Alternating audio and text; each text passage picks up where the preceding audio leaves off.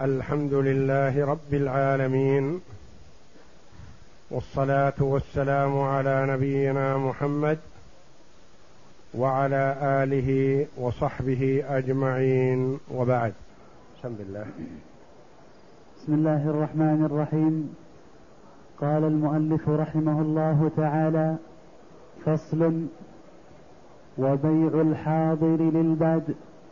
هو أن يخرج الحاضر إلى جلاب السلع فيقول أنا أبيع لك فهو حرام للخبر. ولأن ولأن فيه تضييقا على المسلمين إذ لو ترك الجالب بيع متاعه باعه برخص فإذا تولاه الحاضر لم يبعه برخص. وقد أشار النبي صلى الله عليه وسلم إلى ذلك بقوله لا يبع حاضر لباد دعوا الناس يرزق الله بعضهم من بعض. قول المؤلف رحمه الله تعالى فصل وبيع الحاضر للبادي هو أن يخرج الحاضر إلى جلاب السلع.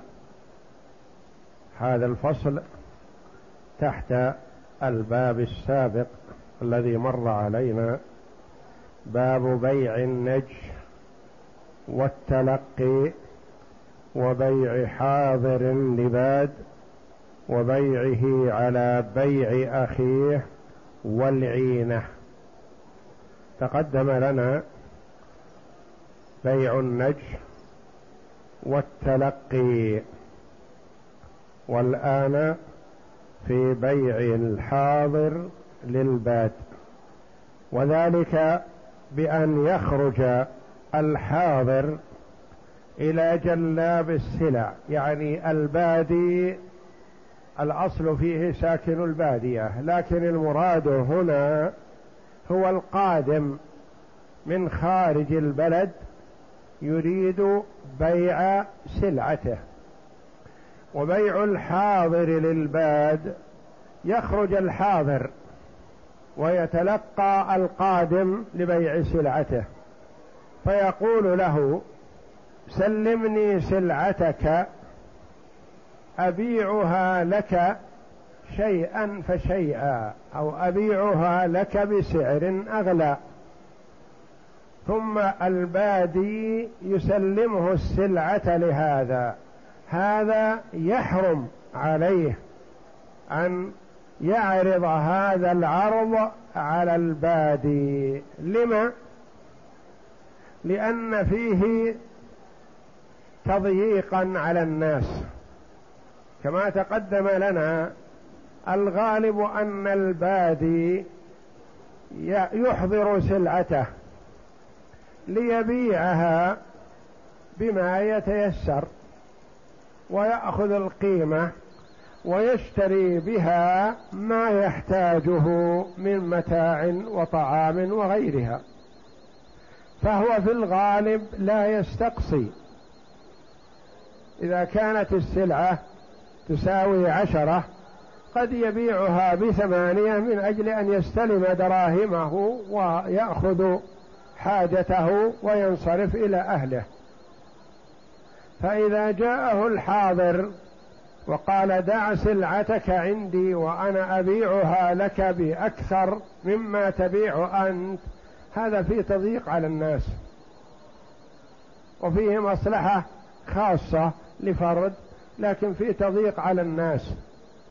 والعادة أن الناس يحرصون على الشراء من الأول ما يقدم من المرء حينما يقدم لأنه يريد البيع بما تيسر وينصرف. وجرت العادة عند الناس أنهم إذا وجدوا قادم يبيع السلعة ما يذهبون إلى أهل الدكاكين والمحلات. يعرفون أن مثل هذا بيعه أرخص. فنهى النبي صلى الله عليه وسلم الحاضر أن يعرض البيع للبادي يقول دعها عندي وأنا أبيعها تدريجيا أو أبيعها في وقت غير هذا الوقت أو نحو ذلك. لما في هذا من التضييق وقد بين النبي صلى الله عليه وسلم بقوله لا يبع. فاللام هذه ناهية. لا يبع حاضر لباد دعوا الناس يرزق الله بعضهم من بعض. نعم. وعنه لا بأس به. وحمل الخبر على أنه اختص بأول الإسلام لما كان عليهم من الضيق والمذهب الأول للخبر والمعنى. وعنه رواية عن الإمام أحمد رحمه الله أنه لا بأس بهذا. طيب ماذا نقول في في الحديث؟ قالوا الحديث هذا في صدر الإسلام لما كان الناس في ضيق وحاجة ولما وسع الله عليهم لا حرج في هذا. يقول والمذهب الأول يعني هو المذهب وهو الصحيح لأنه أخذ بالحديث. وكلما اعتمد المسلم في قوله أو حكمه أو فعله على سنة رسول الله صلى الله عليه وسلم فهذا أفضل ما يكون له ولا يلتمس تعليلات ويترك السنة. قال أصحابنا إنما يحرم بشروط خمسة أحدها قال أصحابنا يعني أهل المذهب علماء الحنابلة. نعم. إنما يحرم بيع الحاضر للباد إذا اجتمعت شروط خمسة. نعم. أحدها أن يكون الحاضر قصد البادي ليتولى ذلك. أحدها أن يكون الحاضر المقيم قصد البادي ليتولى ذلك.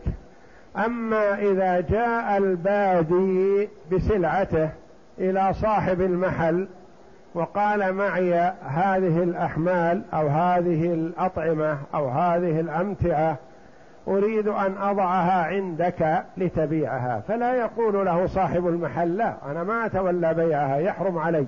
نقول لا لا يحرم عليك في هذه الحال ما دام أنه هو الذي جاءك فلا حرام حينئذ.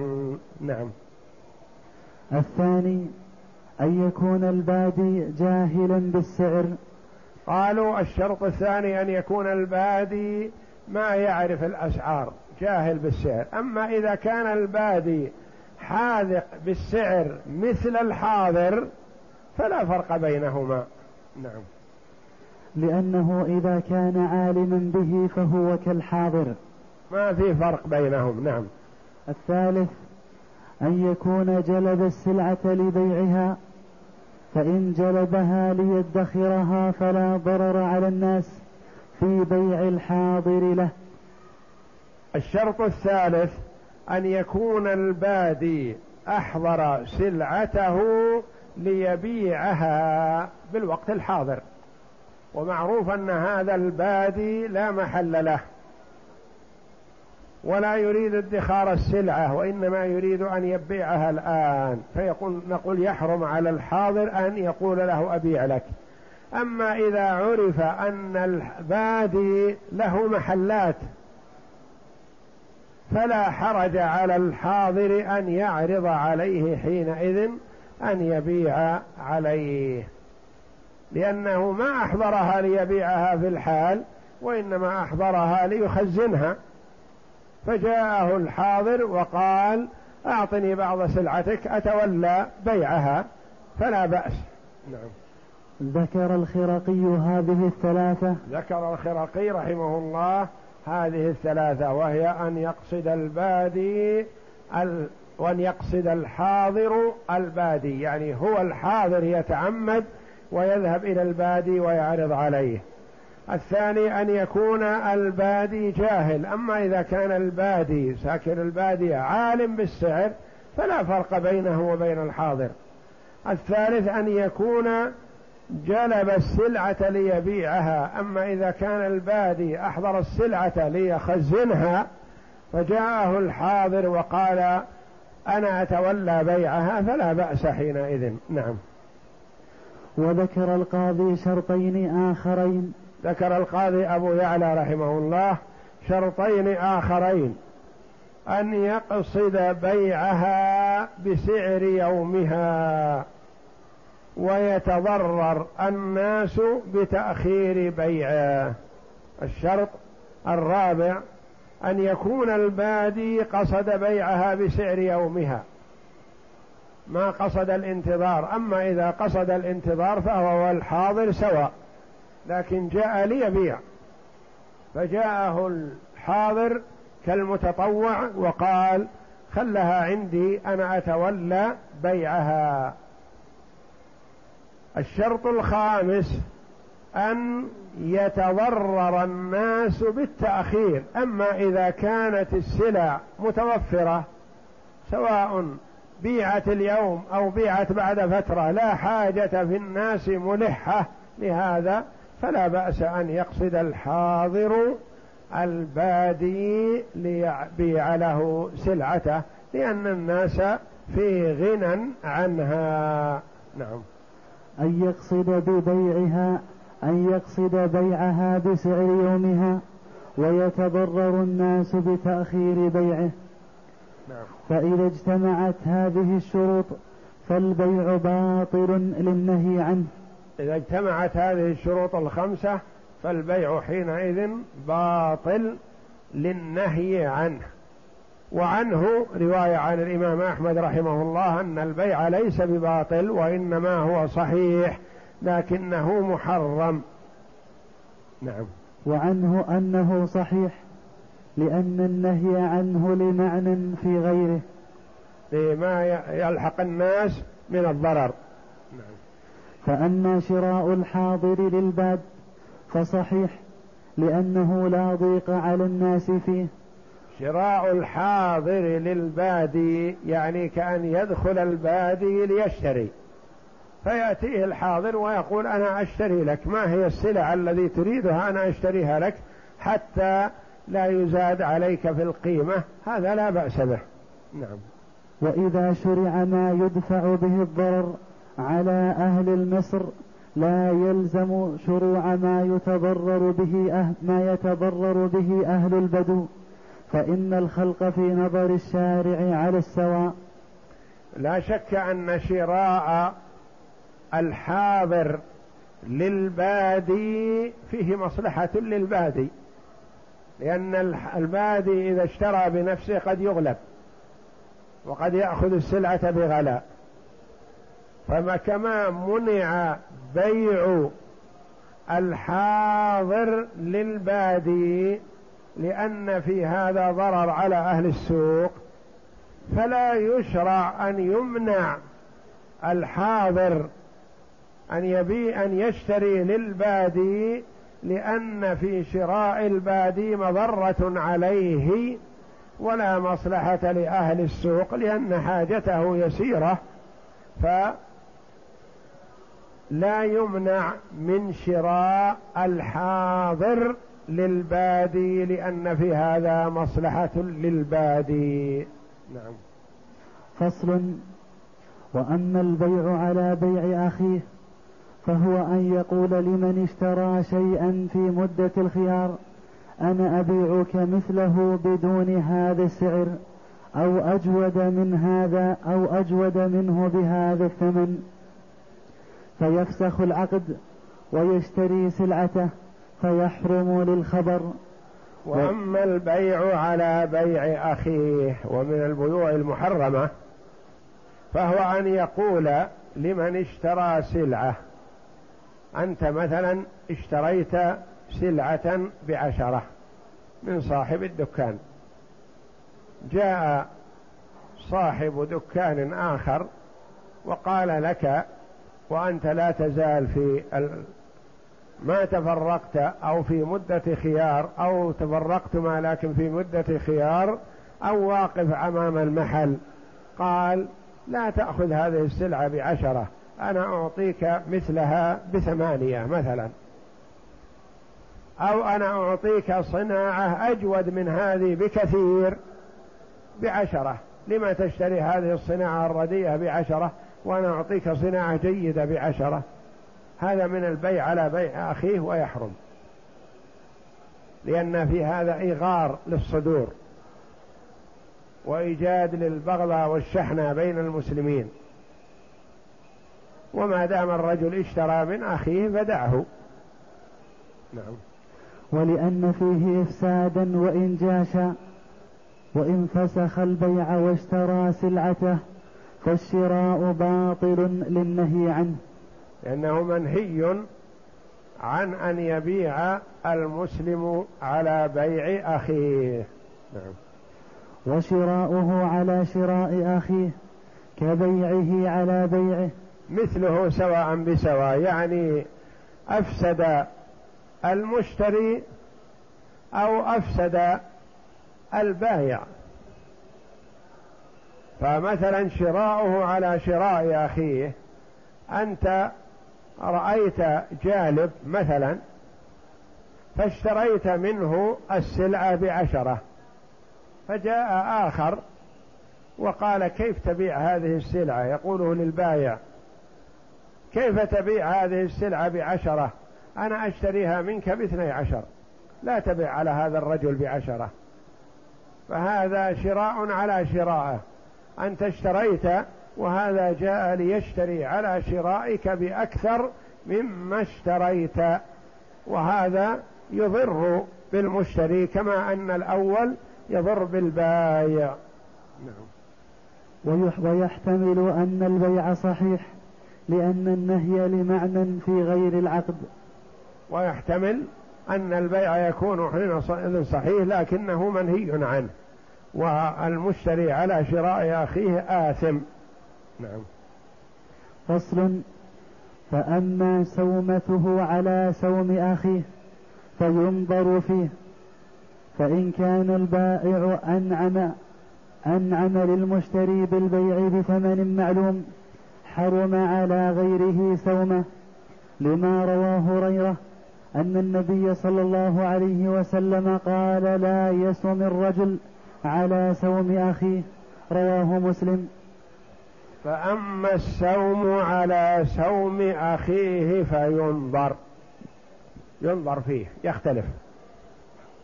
إذا كان الرجل عارض السلعة يقول من يشتري؟ قال واحد أشتريها بعشرة. وهي معروضة لا تزال. فهل يحرم على الآخر أن يقول اشتريها بإحدى عشر؟ لا لأن هذا عارض للسلعة الآن. متى يحرم السوم على سوم أخيه؟ إذا سامها المرء. قال بعشرة. ثم رؤي كأن البايع أراد البيع.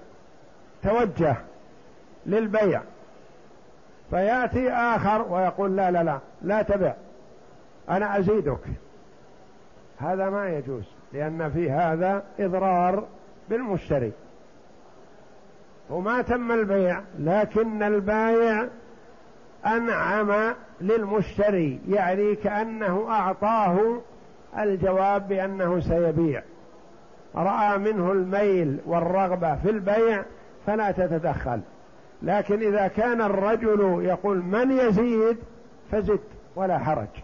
كما طلب النبي صلى الله عليه وسلم الزيادة. نعم. وإن لم ينعم له جاز صومها لما روى أنس أن رجلا شكا إلى النبي صلى الله عليه وسلم الشدة والجهد. الجهد الذي هو الجوع. فقال له ما بقي لك شيء؟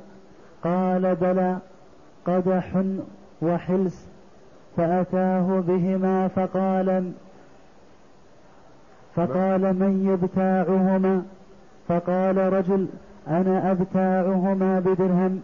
فقال النبي صلى الله عليه وسلم من يزيد على درهم؟ فأعطاه رجل درهمين فباعهما منه. قال الترمذي هذا حديث حسن. ولأن فاطمة بنت قيس ذكرت للنبي صلى الله عليه وسلم أن معاوية وأبا جهم خطباها فأمرها أن تنكح أسامة. متفق عليه.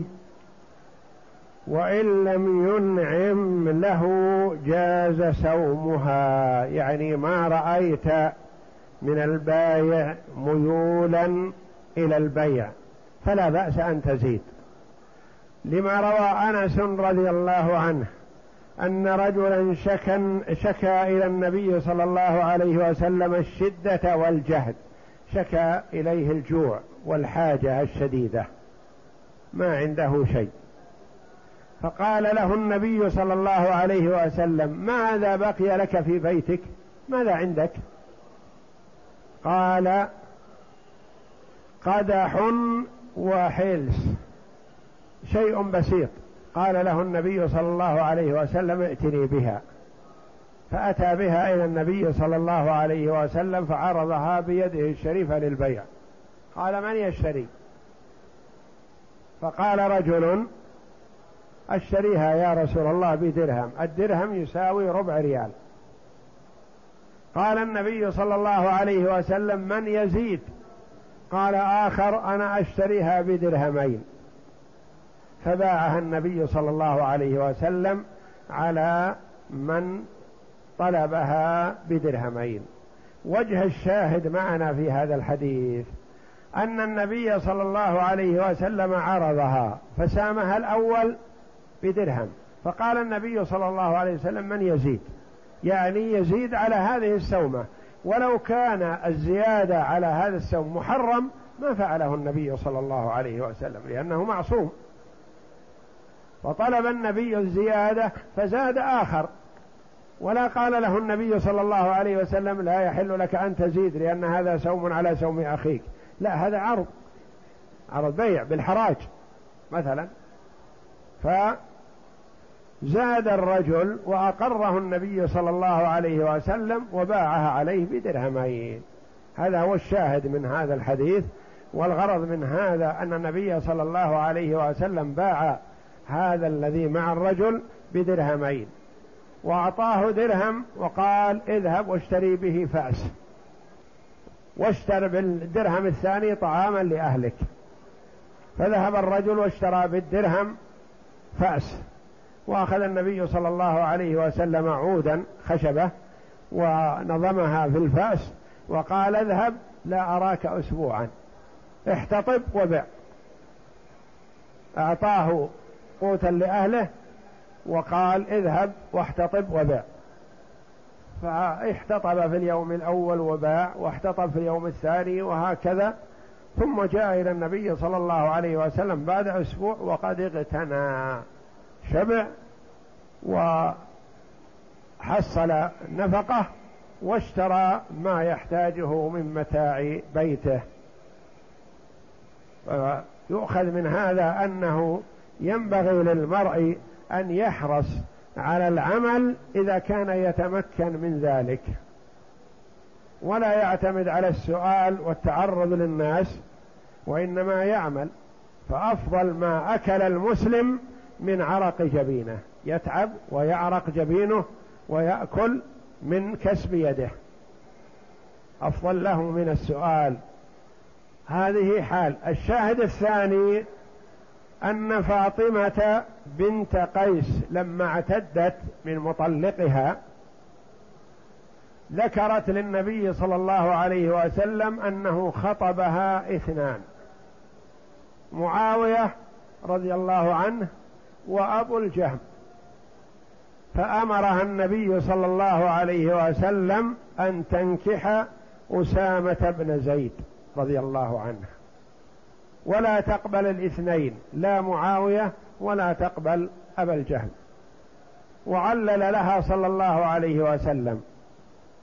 يعني نهاها عن التزوج بأحد الاثنين اللذين خطباها وأشار عليها بغيرهما.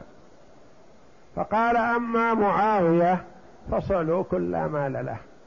وهذا دليل على أن النبي صلى الله عليه وسلم لا يعلم الغيب إلا ما أطلعه الله جل وعلا عليه. معاوية أصبح خليفة المسلمين. بين يديه أموال بيت مال المسلمين كلها. واغتنى رضي الله عنه. والنبي عليه الصلاة والسلام قال معاوية سعلوا كل مال له ما عنده شيء ينفق عليه أبوه أبو سفيان. وهو أخو أم حبيبة أم المؤمنين رضي الله عنها.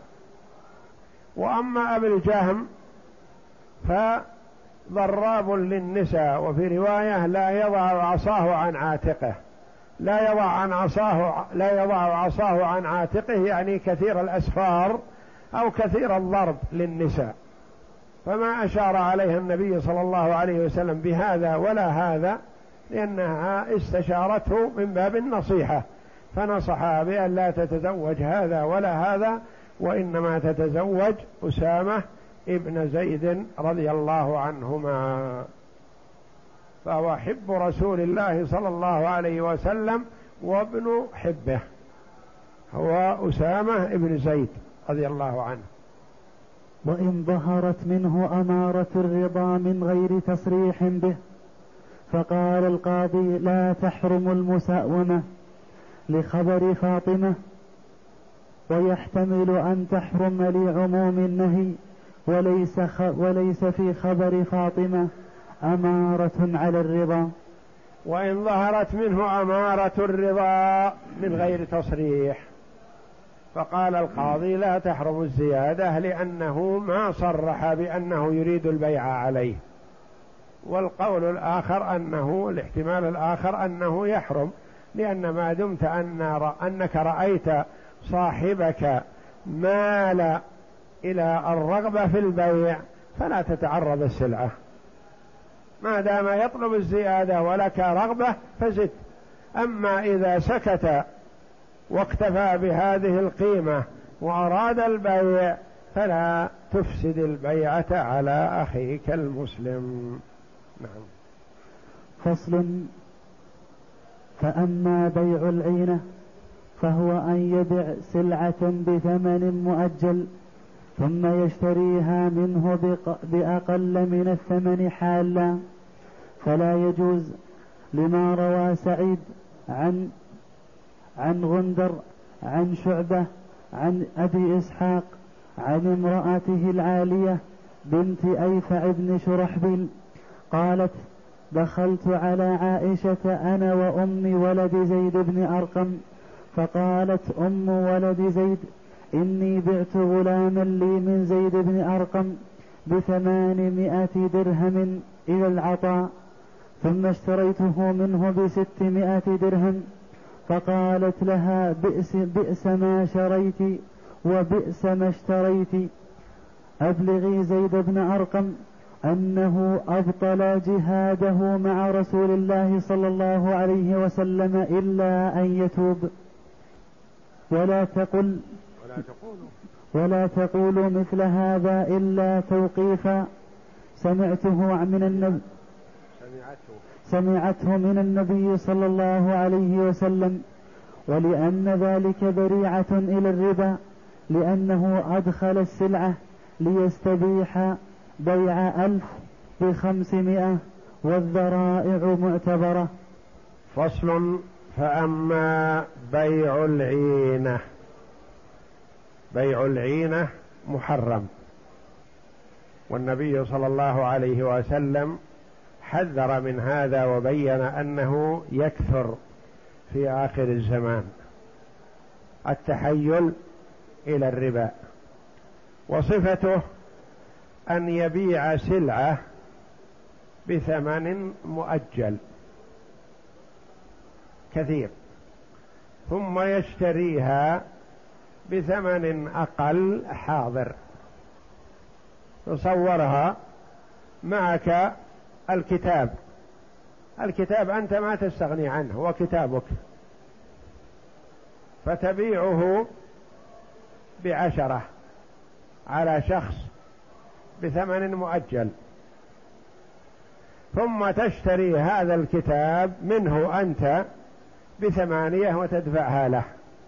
هذا الكتاب دخل هكذا تحليل. وإلا فالواقع والحقيقة أنك أعطيته ثمانية وأصبح في ذمته لك عشرة. فهذا محرم وهذا بيع العينة. هذه العين بثمن مؤجل ثم اشتريتها بثمن حاضر. سلعتك عادت إليك. وأعطيت هذا الرجل مثلا ثمانية بيده أصبحت تطالبه بعشرة. هذا الربا بعينه. يعني إذا أعطيته ثمانية وقيدتها عليه بعشرة فهذا الربا الصريح ربا الجاهلية. وهذه العينة حيله إلى الربا وإنما أدخلت السلعة هكذا. وذلك لما روى سعيد عن غندر عن شعبة عن أبي إسحاق عن امرأته العالية بنت أيفع بن شرحبيل. قالت دخلت على عائشة أم المؤمنين رضي الله عنها. أنا وأم ولد زيد بن أرقم. أم الولد غالبا تطلق على الأمة التي وطئها سيدها فأنجبت له ولد فتسمى هذه أم ولد. ارتفعت عن الإمة ليست أمة وليست زوجة. فهي تعتق بوفاة سيدها ما دامت أنجبت له. ولا قسم لها كالزوجات ولا تباع لأن مآلها إلى العتق بموت سيدها. فقالت أم ولد زيد كأنها كالمستفيدة من عائشة رضي الله عنها قالت عندي غلام بعته على زيد بثمانمائة درهم إلى العطاء إلى وقت توزيع الخراج والنفقة من بيت المال.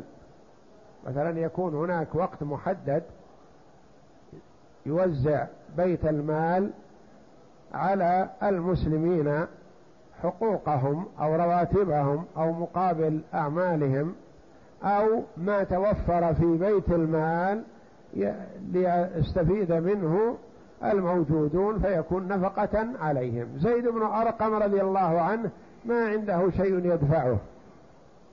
فاشترى الغلام من امرأته بثمانمائة درهم مؤجلة. متى؟ إلى العطاء. الآن ما عنده شيء يدفع. فاشتراه بثمانمائة درهم. ثم إنه باعه على نفس المرأة بستمائة درهم. فماذا كانت النتيجة؟ زيد رضي الله عنه أخذ الآن ستمائة درهم. ما الذي ثبت واستقر في ذمته؟ ثمانمائة درهم. والغلام الرقيق عاد إلى سيدته. بإمكانها تبيعه على شخص آخر وهكذا. ثم تشتريه هذه صورة من صور بيع العينة. أم المؤمنين عائشة رضي الله عنها عرفت أن هذا التصرف حرام ولا يجوز. وما وسعها السكوت. فيجب على من علم حراما وسمعه أن ينكر وأن يبين. وقالت لها عائشة رضي الله عنها بئس ما شريت وبئس ما اشتريت. هل هو تكرار؟ لا. بئس ما شريت يعني بعتي. وبئس ما اشتريت لأن هي باعته أول. باعت الغلام على زيد بثمانمائة درهم. واشترته بستمائة درهم. وقالت بئس ما شريت يعني بيعتك على زيد بئست البيعة. وبئس ما اشتريت أنت اشتريتيها بعد ذلك من زيد كلها محرمة ولا يجوز. ثم انظر إلى ما قالته أم المؤمنين رضي الله عنها. وما اكتفت بهذا؟ قالت أبلغي زيد لأن هذه أم المؤمنين. تنصح لكل مؤمن. أبلغ زيد ابن أرقم أنه قد أبطل جهاده مع النبي صلى الله عليه وسلم. هذه كلمة عظيمة.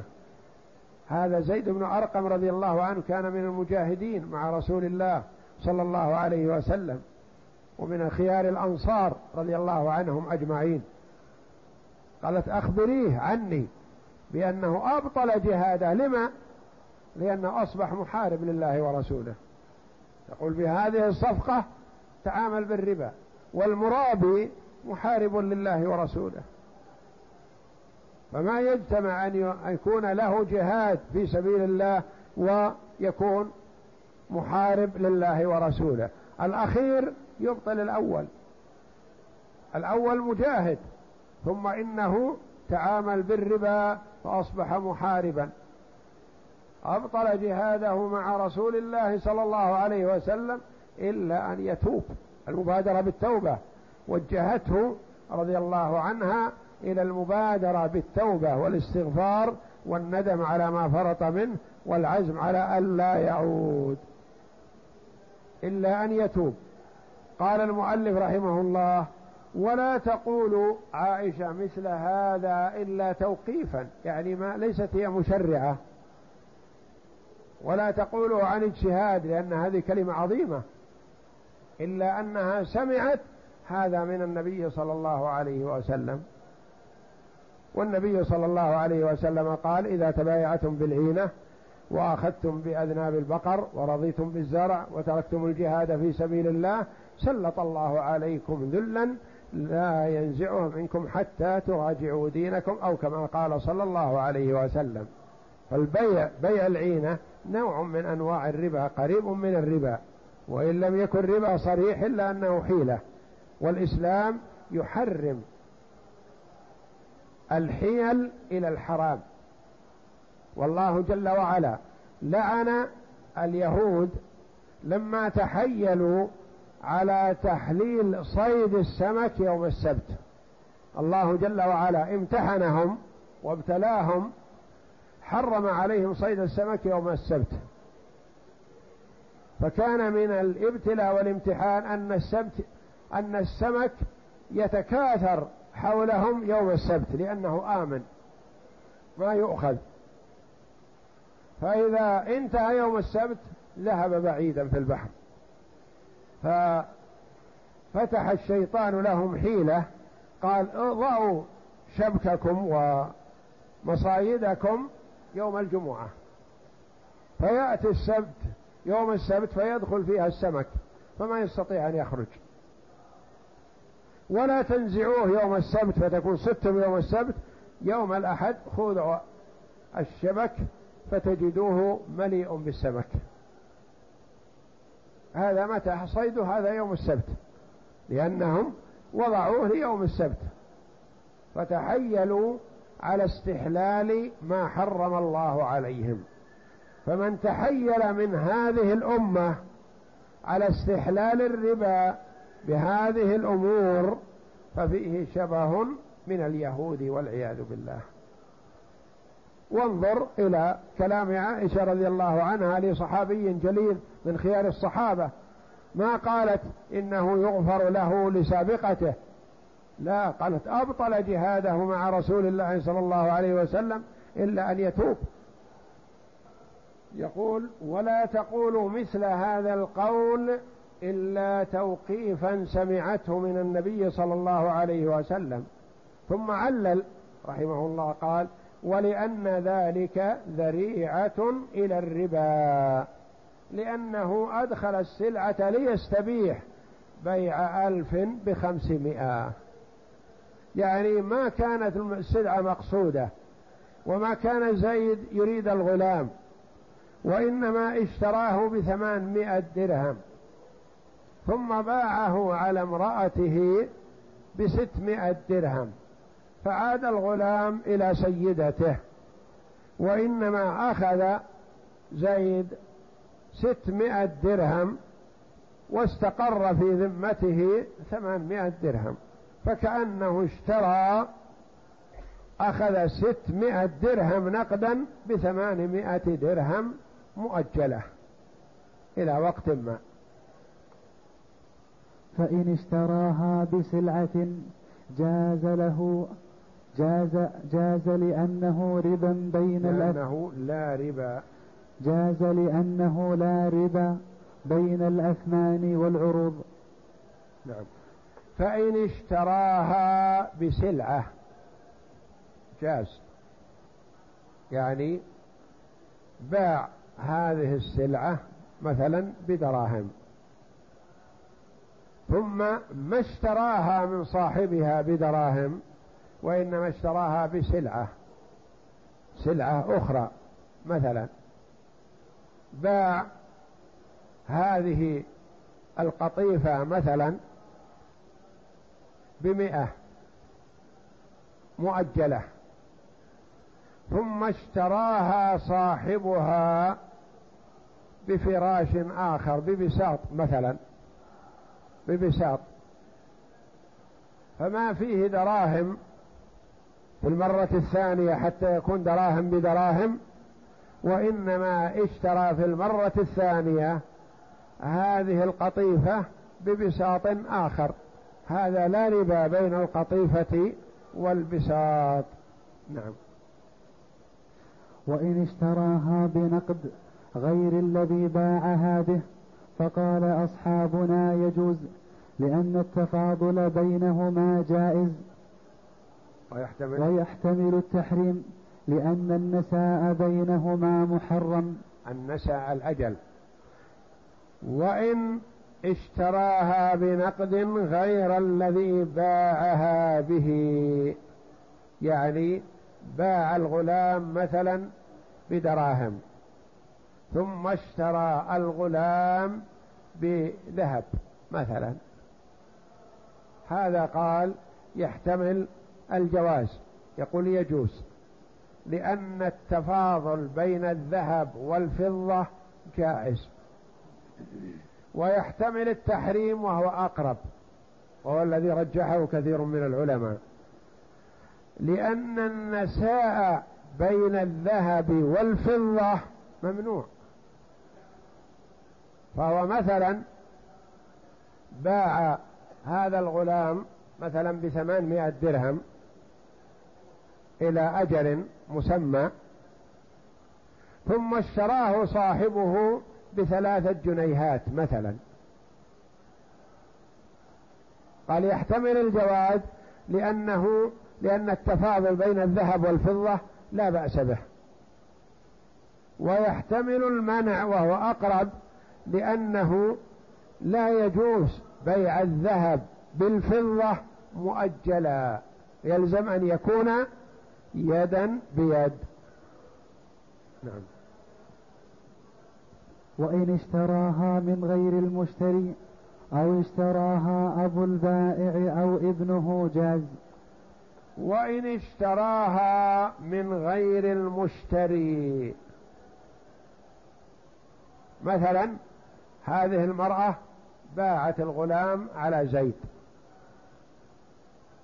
زيد باع الغلام على شخص آخر في السوق. ثم المرأة اشترت الغلام ممن اشتراه من زيد. فلا بأس. لأن هذا لأنها لم تشتريه ممن باعته عليه. نعم. أو اشتراها أبو البائع أو ابنه. يعني ما اشترت الغلام المرأة وإنما اشتراها اشترى الغلام مثلا أبوها. أو عمها أو قريبها مثلا انتقل ما عاد إلى صاحبته فلا بأس. نعم. وإن نقصت السلعة لتغير صفتها جاز لبائعها شراؤها بأقل من الثمن لأن نقص الثمن لنقصان السلعة. وإن, نقص وإن نقصت السلعة لتغير صفتها مثلا هذه هذا المثال الذي معنا. الغلام اشتراه زيد رضي الله عنه.